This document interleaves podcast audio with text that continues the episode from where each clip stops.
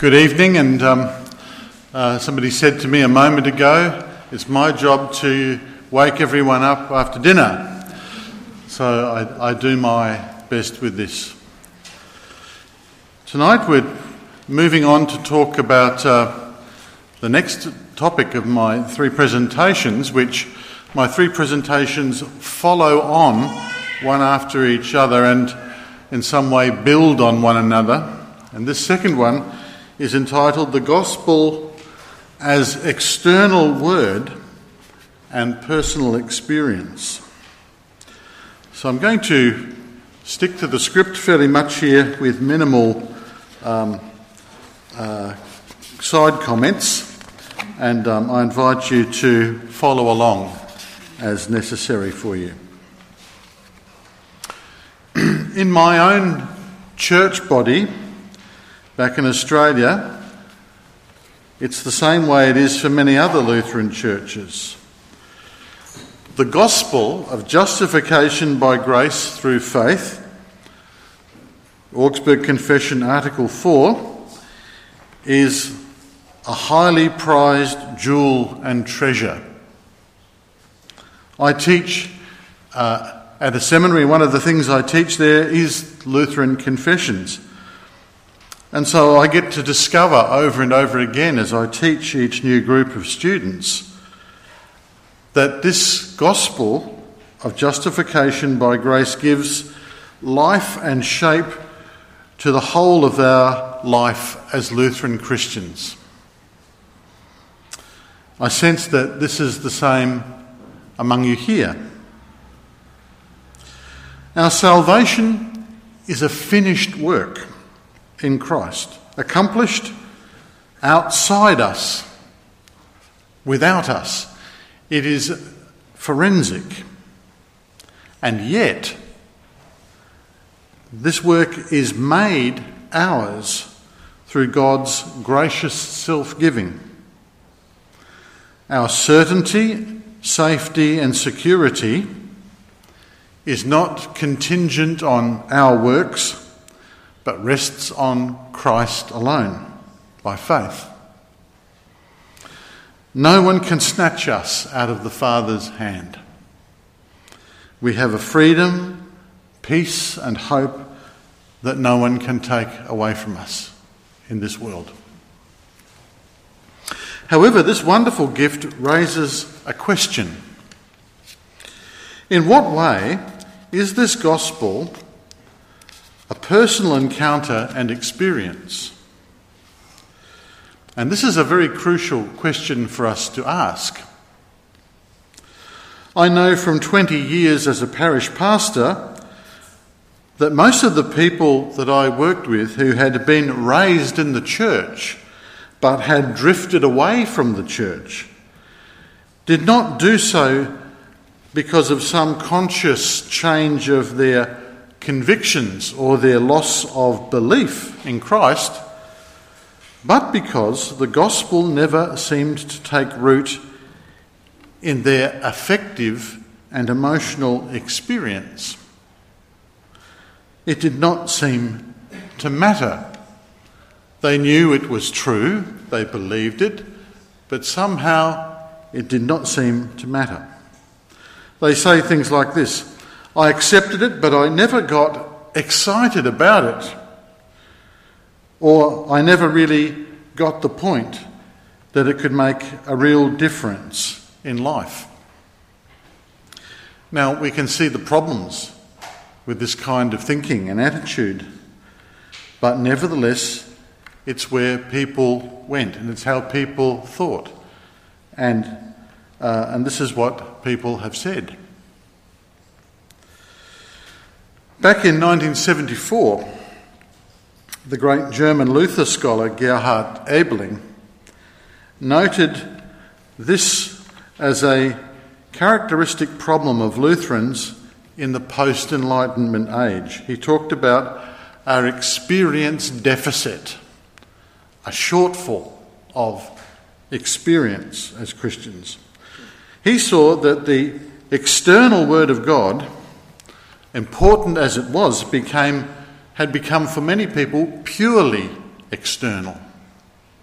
A gospel that is so outward and objective, even though uh, it is able to save the world, it affects nobody. Such a gospel is in danger of becoming a mere legal dictum or a piece of information about us rather than good news for us. We have to face up to this matter in the Christian church in this century because this matter of spiritual experience is vitally important to young people, to our millennial and post millennial generations, young people in our societies today. They no longer seek an experience of truth, but they seek experience as truth. Experience as the very substance of reality. Many of them have grown up in front of screens, computers, and televisions where they have lived in a false reality as mere spectators. And they are, I've noticed, often hungry for what is real for what is authentic, for what is true, for something that is able to truly involve them, transform them, affect them. And they will go to the very edge to find this. Even engaging in self harm behaviours to find out if they can really feel something at that deeper level. For them, if something is true, if, it, if a cause or a creed is real, then it must impact you, challenge you, disturb you, delight you, claim you. They want reality that bites, a reality which really makes a difference. And in the spiritual life, this is very important for them. We must admit, too, that this desire to experience the gospel in this way, as a real personal encounter, is not in itself unreasonable or unhealthy. It's promised, commanded, and given to Christians in Scripture, after all. Think of the prophets of the Old Testament telling Israel to rejoice in the Lord's salvation.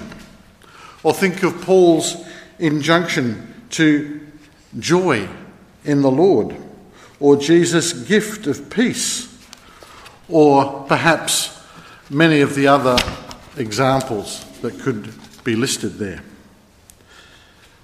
They show that our lives as Christians here in the world include experiences of these things of love, joy, and freedom. These things are not just abstract concepts. They are things that we live, that we experience ourselves personally, as whole people. Of course, on the other hand, we know that our spiritual life is not just all about emotion and sentiment or feelings and sensations. You cannot make these things the measure of your faith or of your spiritual health. God does not always move us when we desire to be moved. And not all that moves us is God. Young and inexperienced Christians can sometimes mistake their emotions for their spiritual life, so that they alternate between feeling close to Jesus or feeling spiritually dead, often all on the same day. Yet, as we look at the biblical and historical experience of the gospel, it is clear that desire, imagination, affections, and feelings play an important role in spiritual health, together with our intellect, cognition, reasoning, and understanding.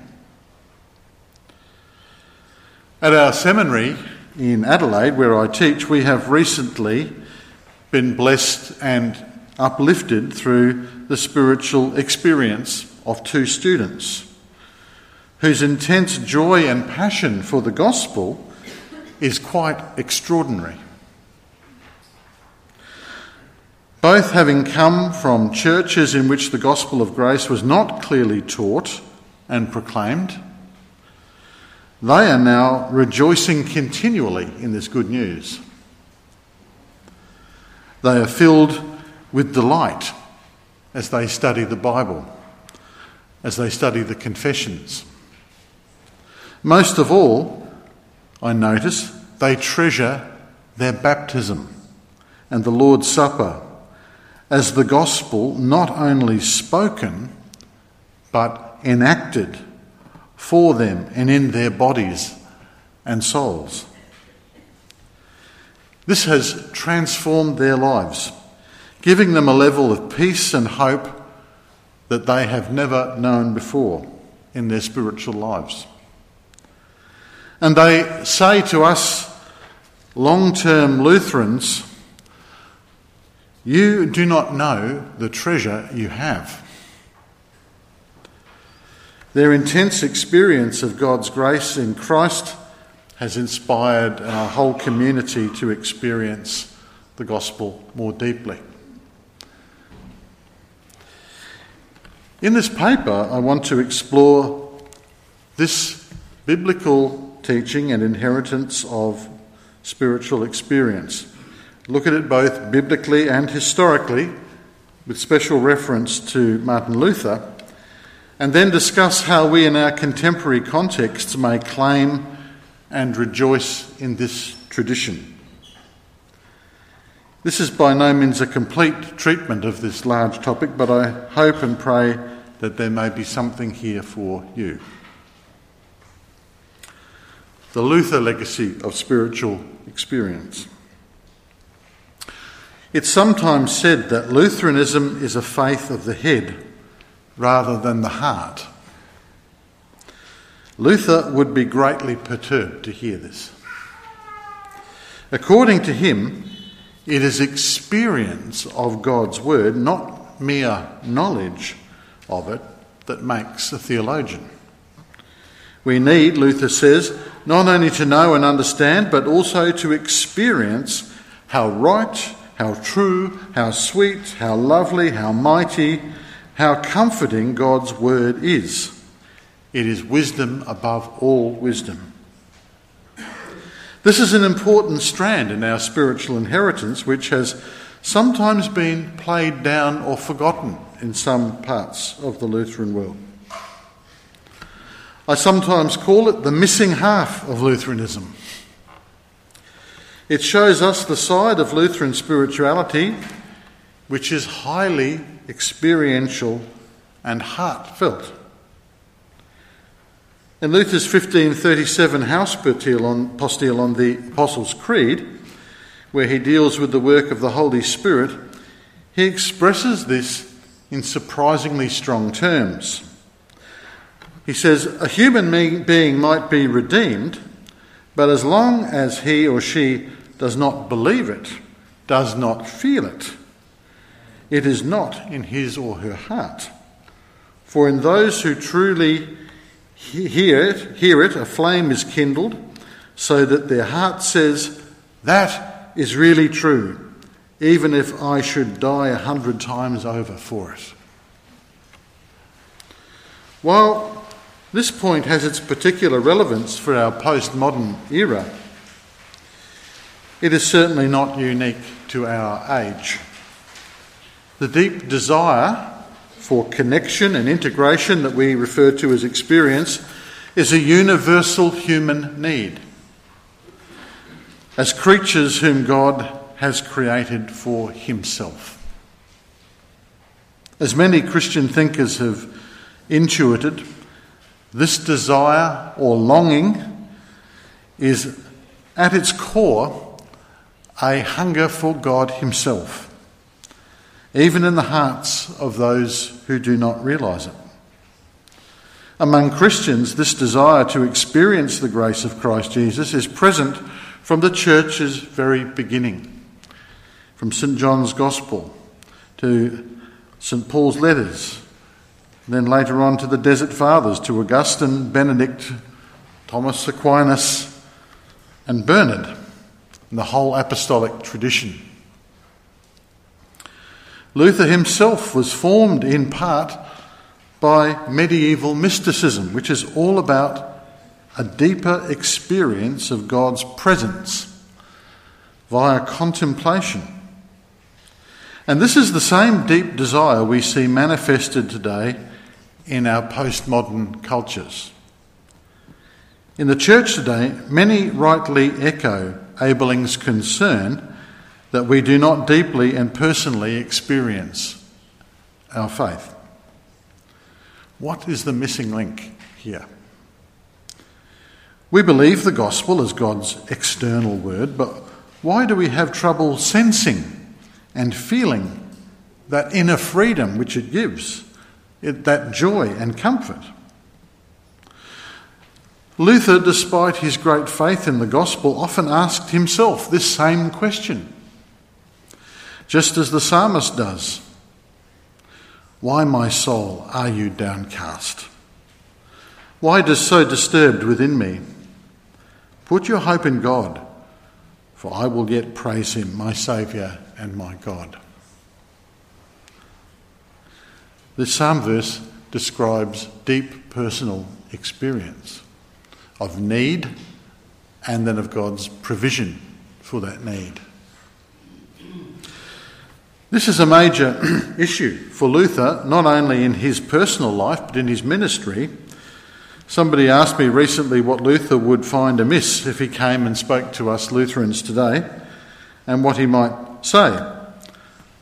And um, you could give many different answers to that question. The answer I gave would be that he would say to us, as he says to many people during his ministry, be joyful. Be of good comfort. Be of good cheer. Christ has overcome the world for you, and in him all things are yours. So be happy, be joyful. Luther says this over and over again in his letters to people, his pastoral letters, his advice to the suffering and to those who are searching for faith. In fact, as many have observed, pastoral concerns about the comfort of souls were what first gave rise to Luther's whole Reformation theology of justification by grace. The Reformation had its very roots in people's intense spiritual experiences, their terror of hell, their fear of God's judgment, and the relief of forgiveness and assurance of salvation and peace of mind and heart. It may be hard for us to imagine this today, but in our secular world, but this was the most important concern of all for people in the 16th century, for whom eternity was far more important than the here and now.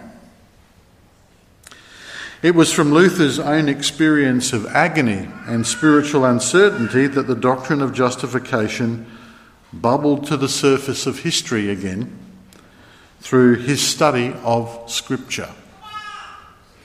You no doubt know his famous account of his own experience, his own first rediscovery of the gospel. And he wrote this near the end of his life in 1545. He says, there I began to understand that the righteousness of God is a gift of God through which the righteous man lives by faith. And at that point, I felt that I was completely reborn and had entered paradise itself through open gates.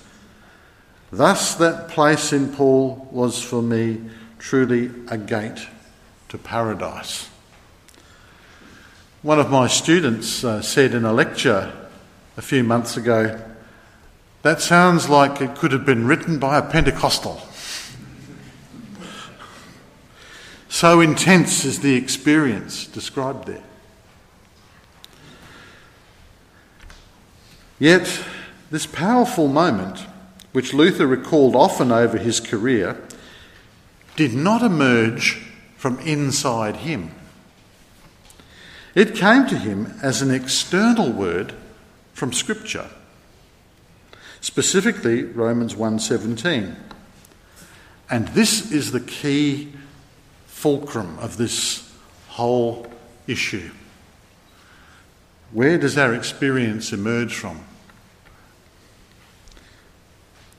At the same time, Luther strongly repudiated the experience dominated religion of the radical reformers of his time, who increasingly rejected this external word of the gospel and define their spiritual health according to their unmediated inner certainty of God's presence. Their own personal experience became the gold standard of everything. For them, experience was divine revelation and became proof of God's salvation. We see in them the dangers of experience completely taking over. They had to continually examine themselves to see if they still had faith. If their experiences seemed at some time less vibrant than it had been before, they felt that they had to deepen and extend their emotional experiences further and further in order to reaffirm the authenticity of their spiritual lives. The Wittenberg reformers, by contrast, insisted that the external word of the gospel should remain the source and focus of Christian life and experience. Number two, lasst uns fröhlich springen. Let us jump for joy. You don't hear Lutherans say that very often. As we know from reading the Gospels and Paul's letters, the primary experience of the Gospel is joy. We know this from life too. When the Gospel is spoken to us so that it touches directly onto our hearts, it can be a very powerful encounter. Some of you have spoken to me in this last uh, day and a half about hearing from James Nestingen the strong uh, uh, message of forgiveness and what an important impact that had on you, what an important experience that was for you. Yesterday, as I listened to Jan speak about this uh, forgiveness of Christ. Again, this was a deep experience of the gospel which was strongly affecting for me. Somebody once described to me how they felt after experiencing confession and absolution. They said it was like the sun breaking through thick clouds. Luther noticed this too both in his study of Scripture and in life. He said that joy, gladness, and pleasure are the believer's primary or foundational emotion in response to the gospel. In Luther's culture, this joy was both experienced and expressed far more deeply than today. Today, particularly in our postmodern age, we live in a world where which is so much the same and so uniform and so full of experiences, it's hard for any one experience to stand out. But in Luther's day, it was very different. If you look at the portraits painted of Luther, you may be used to looking at his rather dour, sour face. And if you have a look at any of the portraits from that Reformation era, they all look very grumpy. But these portraits give you a false impression. This was an era of strong emotions. When Luther wrote the line Und lasst uns fröhlich springen in his famous hymn, he was not speaking figuratively. This was actually how people of his time, both adults and children, actually expressed their joy and gladness by leaping and jumping and dancing and clapping their hands. Luther himself did this often. Generally speaking, Luther's emotional world was far more lively than ours. We know from his students that Luther loved to joke and to laugh and was often very light-hearted. The difficulty and insecurity and pain of 16th century life created the conditions not only for dread and sorrow, but also for exuberant rejoicing in God's goodness and, in, and the enthusiastic celebration of life's good and pleasurable gifts when they were there to be enjoyed. It's an interesting thing that one of the great celebrations that was, that was had in the 16th century was a wedding. Um, this was your Hochzeit, the highest time of your life. And this was a time of great celebration. And this was part of the emotional world of the Reformation, very intense. This is how Luther experienced joy and all the more deeply in times of severe Anfechtung and suffering. I wonder if you've noticed that the sweetest and most wonderful joy may come to you in the midst of darkest trials. The Christian's experience of joy comes from receiving God's grace. It comes from outside us. And this shows that God Himself is good. Luther says, God is rich in joy. He is uh, rich in joy Himself over us. He rejoices over sinners like us. He is not an angry judge who inspires fear and terror. For Luther, God is the source and giver of the believer's joy. And that joy is an inexhaustible gift which we are able to experience and savour here and now in this life as a prelude to experiencing it perfectly and eternally in heaven. When Christians experience joy, it's the product of God's saving and self giving actions. It's a heavenly gift and is no accident of the emotions. Joy is the key fruit of the Spirit in the Christian's life because it witnesses to the Spirit's work in the believer's heart. And it shows that even in pain and adversity, faith and its fruits are still present and alive. God, therefore, wants his people to be joyful, and he makes them joyful, both inwardly and outwardly. Inwardly for their own sake, and outwardly for the sake of others. Part of the uh, experience of joy is the corporate dimension of that experience. A moment ago, we sang that wonderful hymn in English, Now Thank We All Our God. Uh, and uh, we shared a moment of great joy and thanksgiving together. We rejoiced inwardly for our own sake, and we rejoiced outwardly for each other. And this is the character of the Christian experience. While the foremost source of joy is the gospel itself, all good gifts and pleasures may be received and used with thanks and enjoyed with a good conscience. Music, laughter, good company, food, drink, sport, and so on. Luther calls these the outward comforts. They are gifts of joy from God, who first gave us his own Son and who gives us all things along with him. In the Reformation era, um, this became very important the experience and expression of joy. Just as in the pre Reformation faith, solemnity and self denial and sorrow had been signs of piety.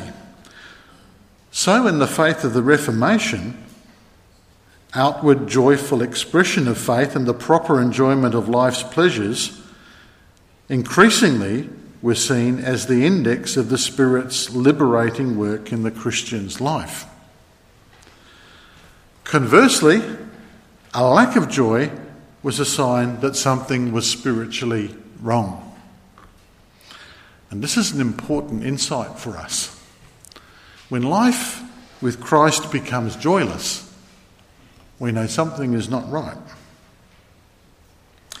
In Luther's time, this too was common. He helped many people who were oppressed by their fears and their scruples associated with their former penitential spirituality.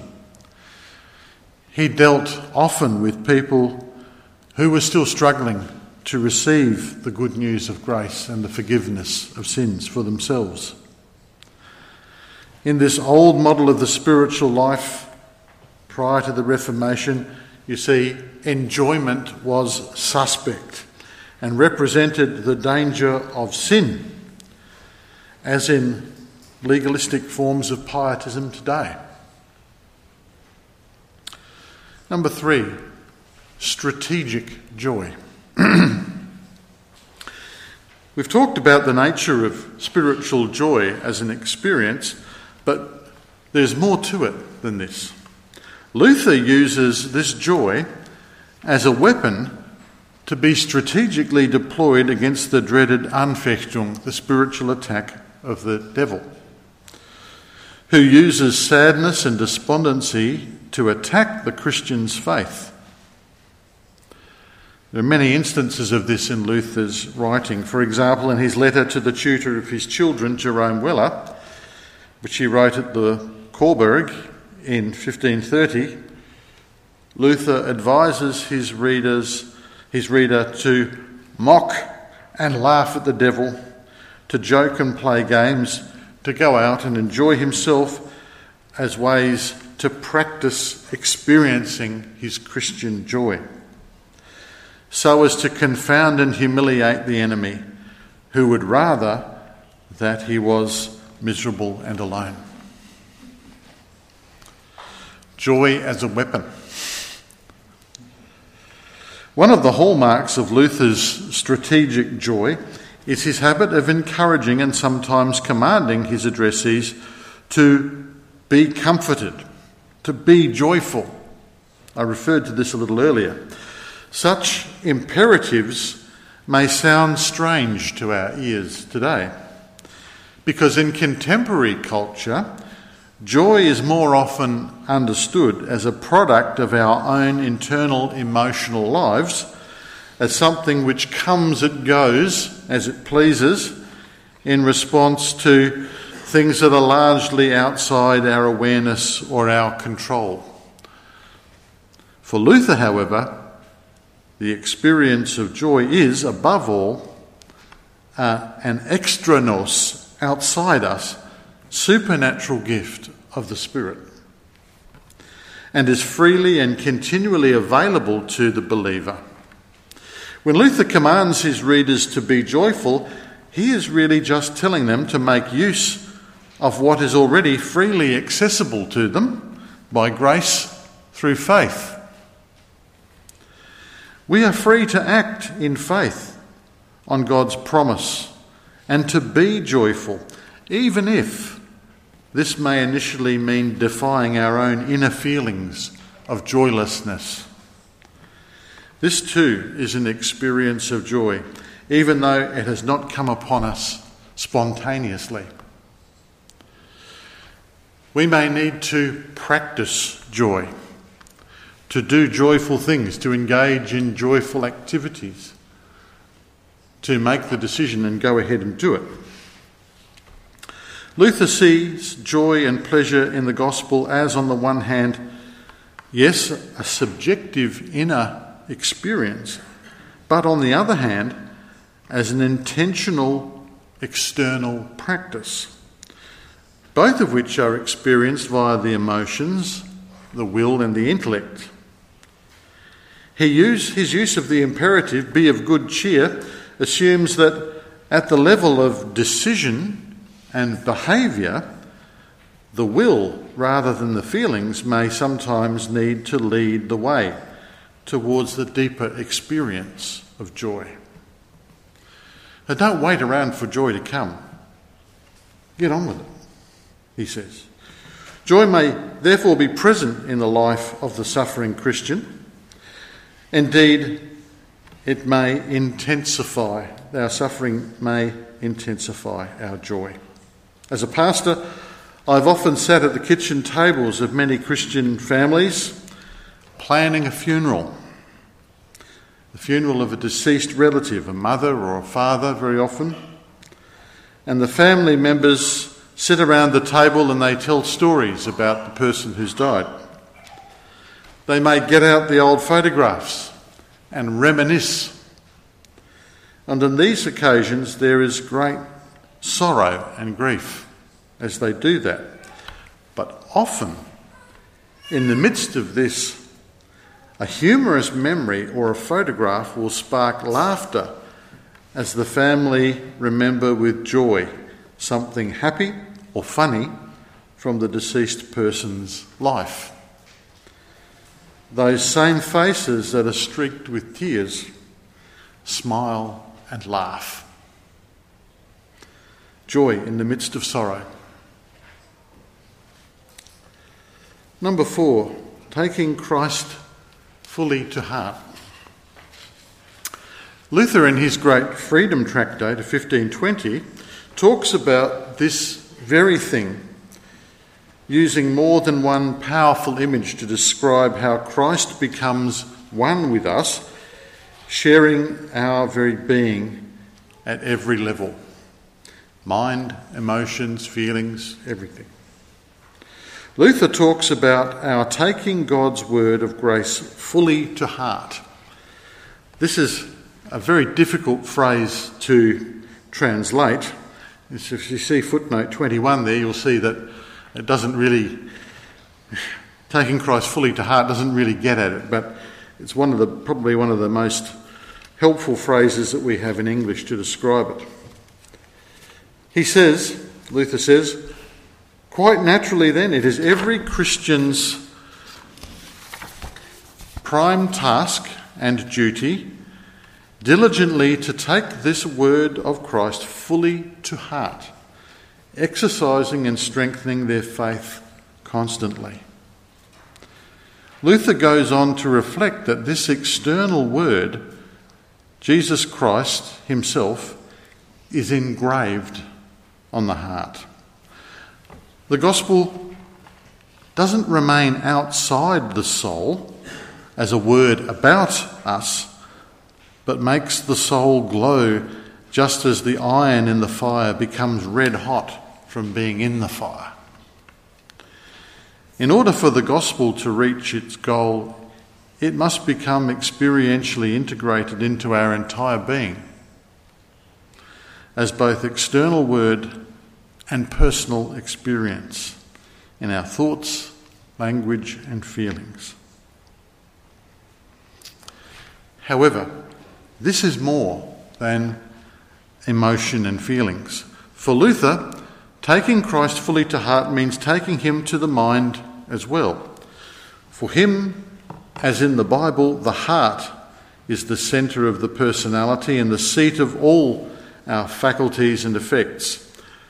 The intellect, the feelings, will, desire, memory, all of it happens in the heart. While today we have assigned thinking solely to the mind, which is rational and objective, and feelings to the heart, which is emotional and subjective, there is no such sterile dualism in the pre modern world. The person is an integrated whole with a heart that hears, knows, feels, and desires, as we see in the famous prayer of King Solomon at his coronation, for a hearing and understanding heart that will be able to govern Israel.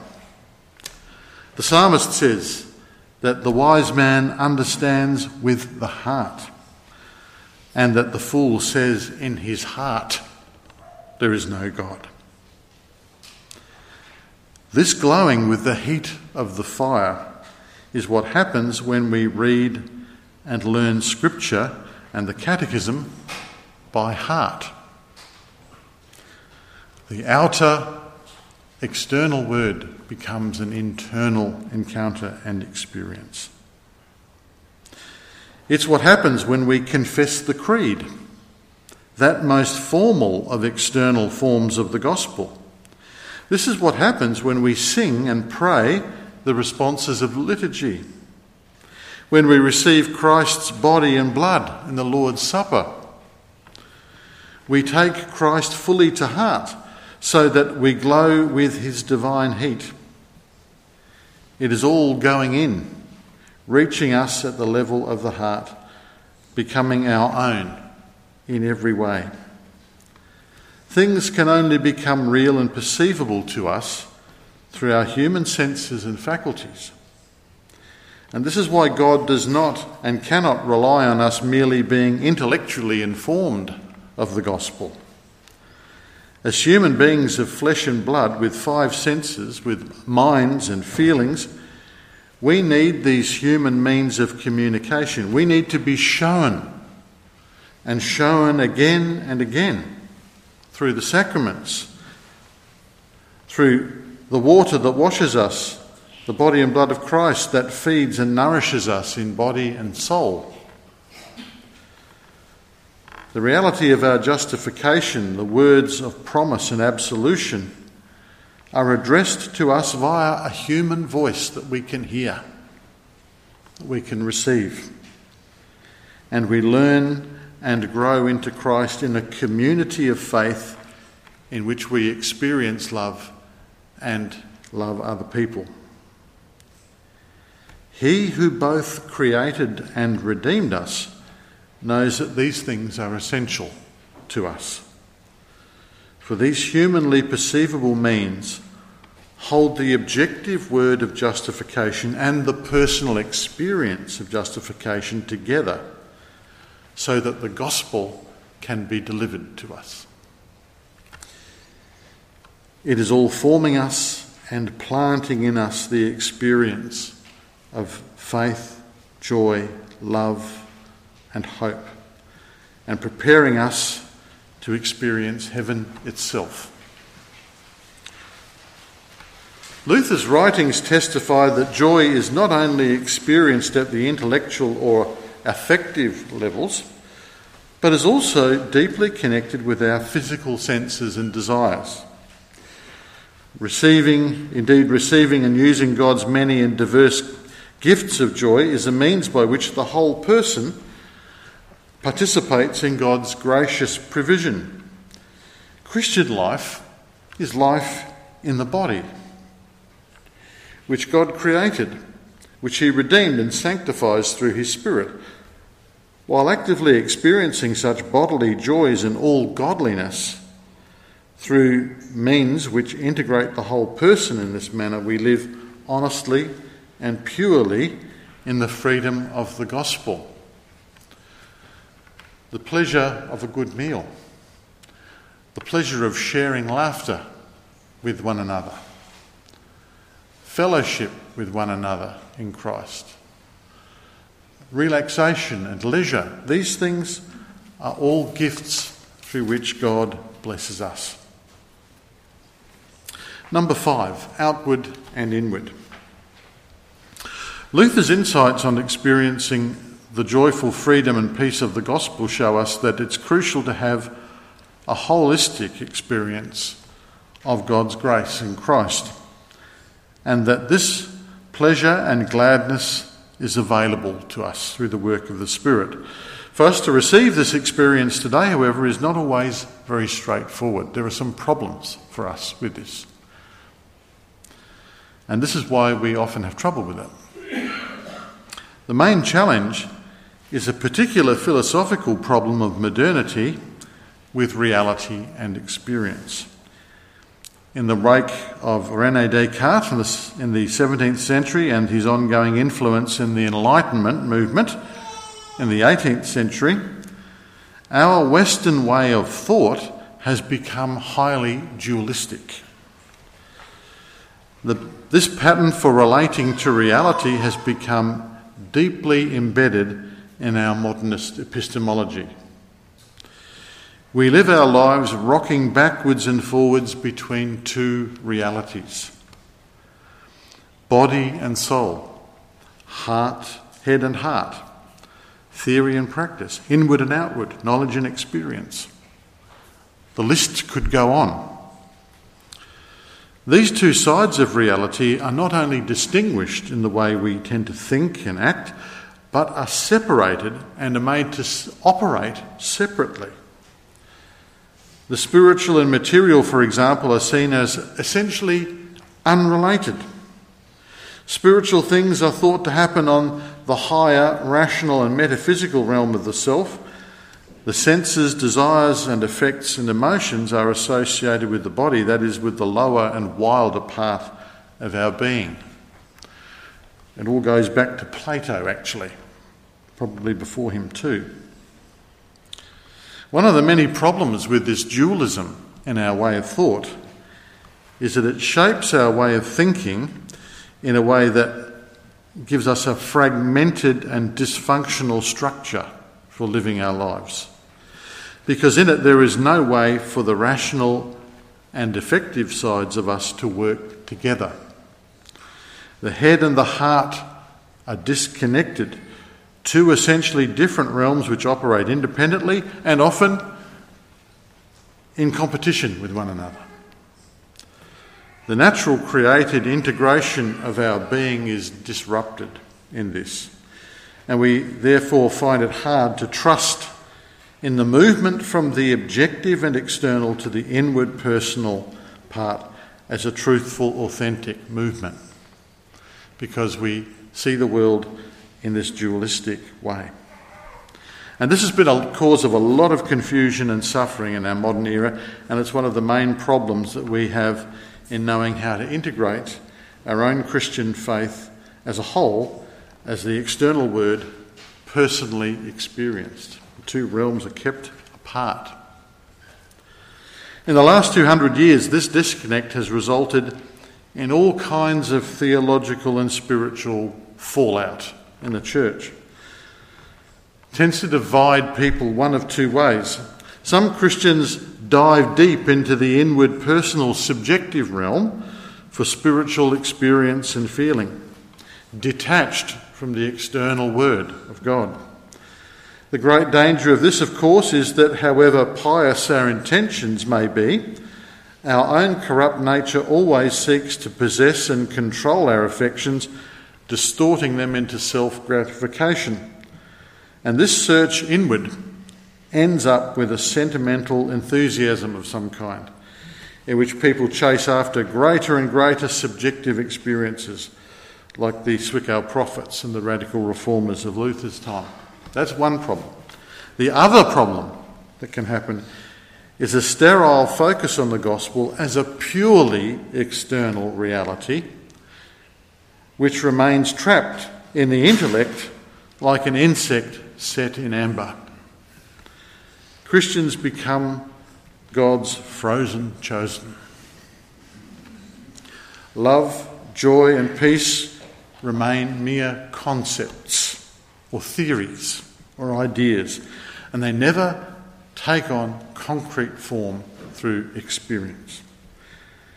This is the form of orthodoxy of which Ebeling was warning us back in the 1970s. It avoids all fickle feelings, placing its emphasis on the external forensic aspect of the gospel exclusively, distrusting and discounting all personal emotions and affections as unreliable, making faith dry, joyless, and detached from real life. I'm not sure which of these extremes is worse. This is our problem in the modern age. We are ontologically divorced. Heart and head have been pushed apart, even though in reality, neither one of them can live and work apart from the other. And this is precisely where we must critique our culture in which we live and continually live against the flow of it, unlearning it, unlearning what it tries to teach us. Number six, the, the outward turn. For most of us, people who have grown up in the modern, moving into the postmodern era, it's intuitive for us to work with this dualism by turning inward when we want to know and feel something. We turn inward to construct our experience inside ourselves in our own minds or imaginations. That's what many people do. Luther, however, from his perspective, his much simpler and more integrated world teaches us a different and a more counterintuitive move for living the Christian life. If we are longing for a deeper personal experience of the gospel, then we need to cast our gaze outward on the external word and the means of grace and what they say to us and give to us as they come to us through our five senses and make their way into us, crossing that membrane from the external to the internal. For the gospel's very objectivity is its true value and essential nature as God's gift. What makes the gospel so wonderful is that it is forensic, it doesn't depend on us. God has accomplished it without us. It is outside us and not dependent on our changeling emotions or our moods. It is therefore the very thing in which we may confidently invest our personal hope and trust. In this way, we take Christ fully to heart. So, the external word of the gospel and the internal word, the internal experience of that word, they rely on each other utterly. They must always work together. For Luther, faith never searches inward, but grasps Christ as he comes to us from outside. He comes to us in his word, particularly the words spoken and proclaimed enacted, as I've said in the sacraments, both of which were instituted by Christ as external, objective, effective means. Luther continually renewed his joyful experience of the gospel in the face of life's turmoil and sadness, not despite his strong outward focus on these external means of the gospel, but precisely because of it. He had a strong inner experience of the gospel's joy because he had a strong outward focus on the external word of the gospel. It's not by trying to have inner experiences of God's love that we have them.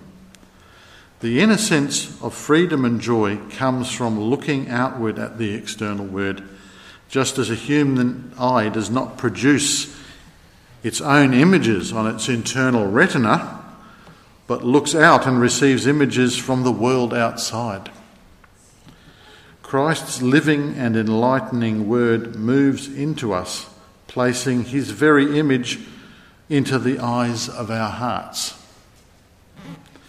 Like the seed in the parable, the word, by its own power, grows in us. And uh, uh, what we cannot grow in ourselves grows in us. We don't know how this happens. God performs this miracle as He moves from outside us to inside us. I want to conclude with a really brilliant parable by C.S. Lewis. I wonder if any of you know this parable. Some of you probably have seen this before. It's C.S. Lewis's Meditation in a Tool Shed. I wonder how many of you have a tool shed in your garden. Next time you go into your tool shed, think about this story.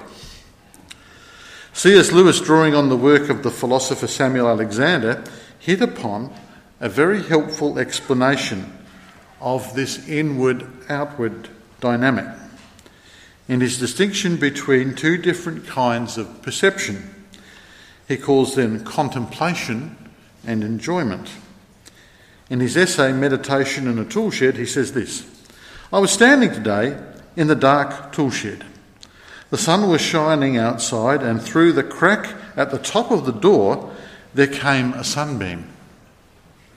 From where I stood, that beam of light with the specks of dust floating in it was the most striking thing in that place. Everything else was almost pitch black. I was seeing the beam, not seeing things by it. Then I moved as that beam of light fell on my eyes. Instantly, the whole previous picture vanished. I saw no tool shed, and above all, no beam. Instead, I saw, framed in the irregular cranny at the top of the door, green leaves moving on the branches of a tree outside, and beyond that, 90 odd million miles away, the sun.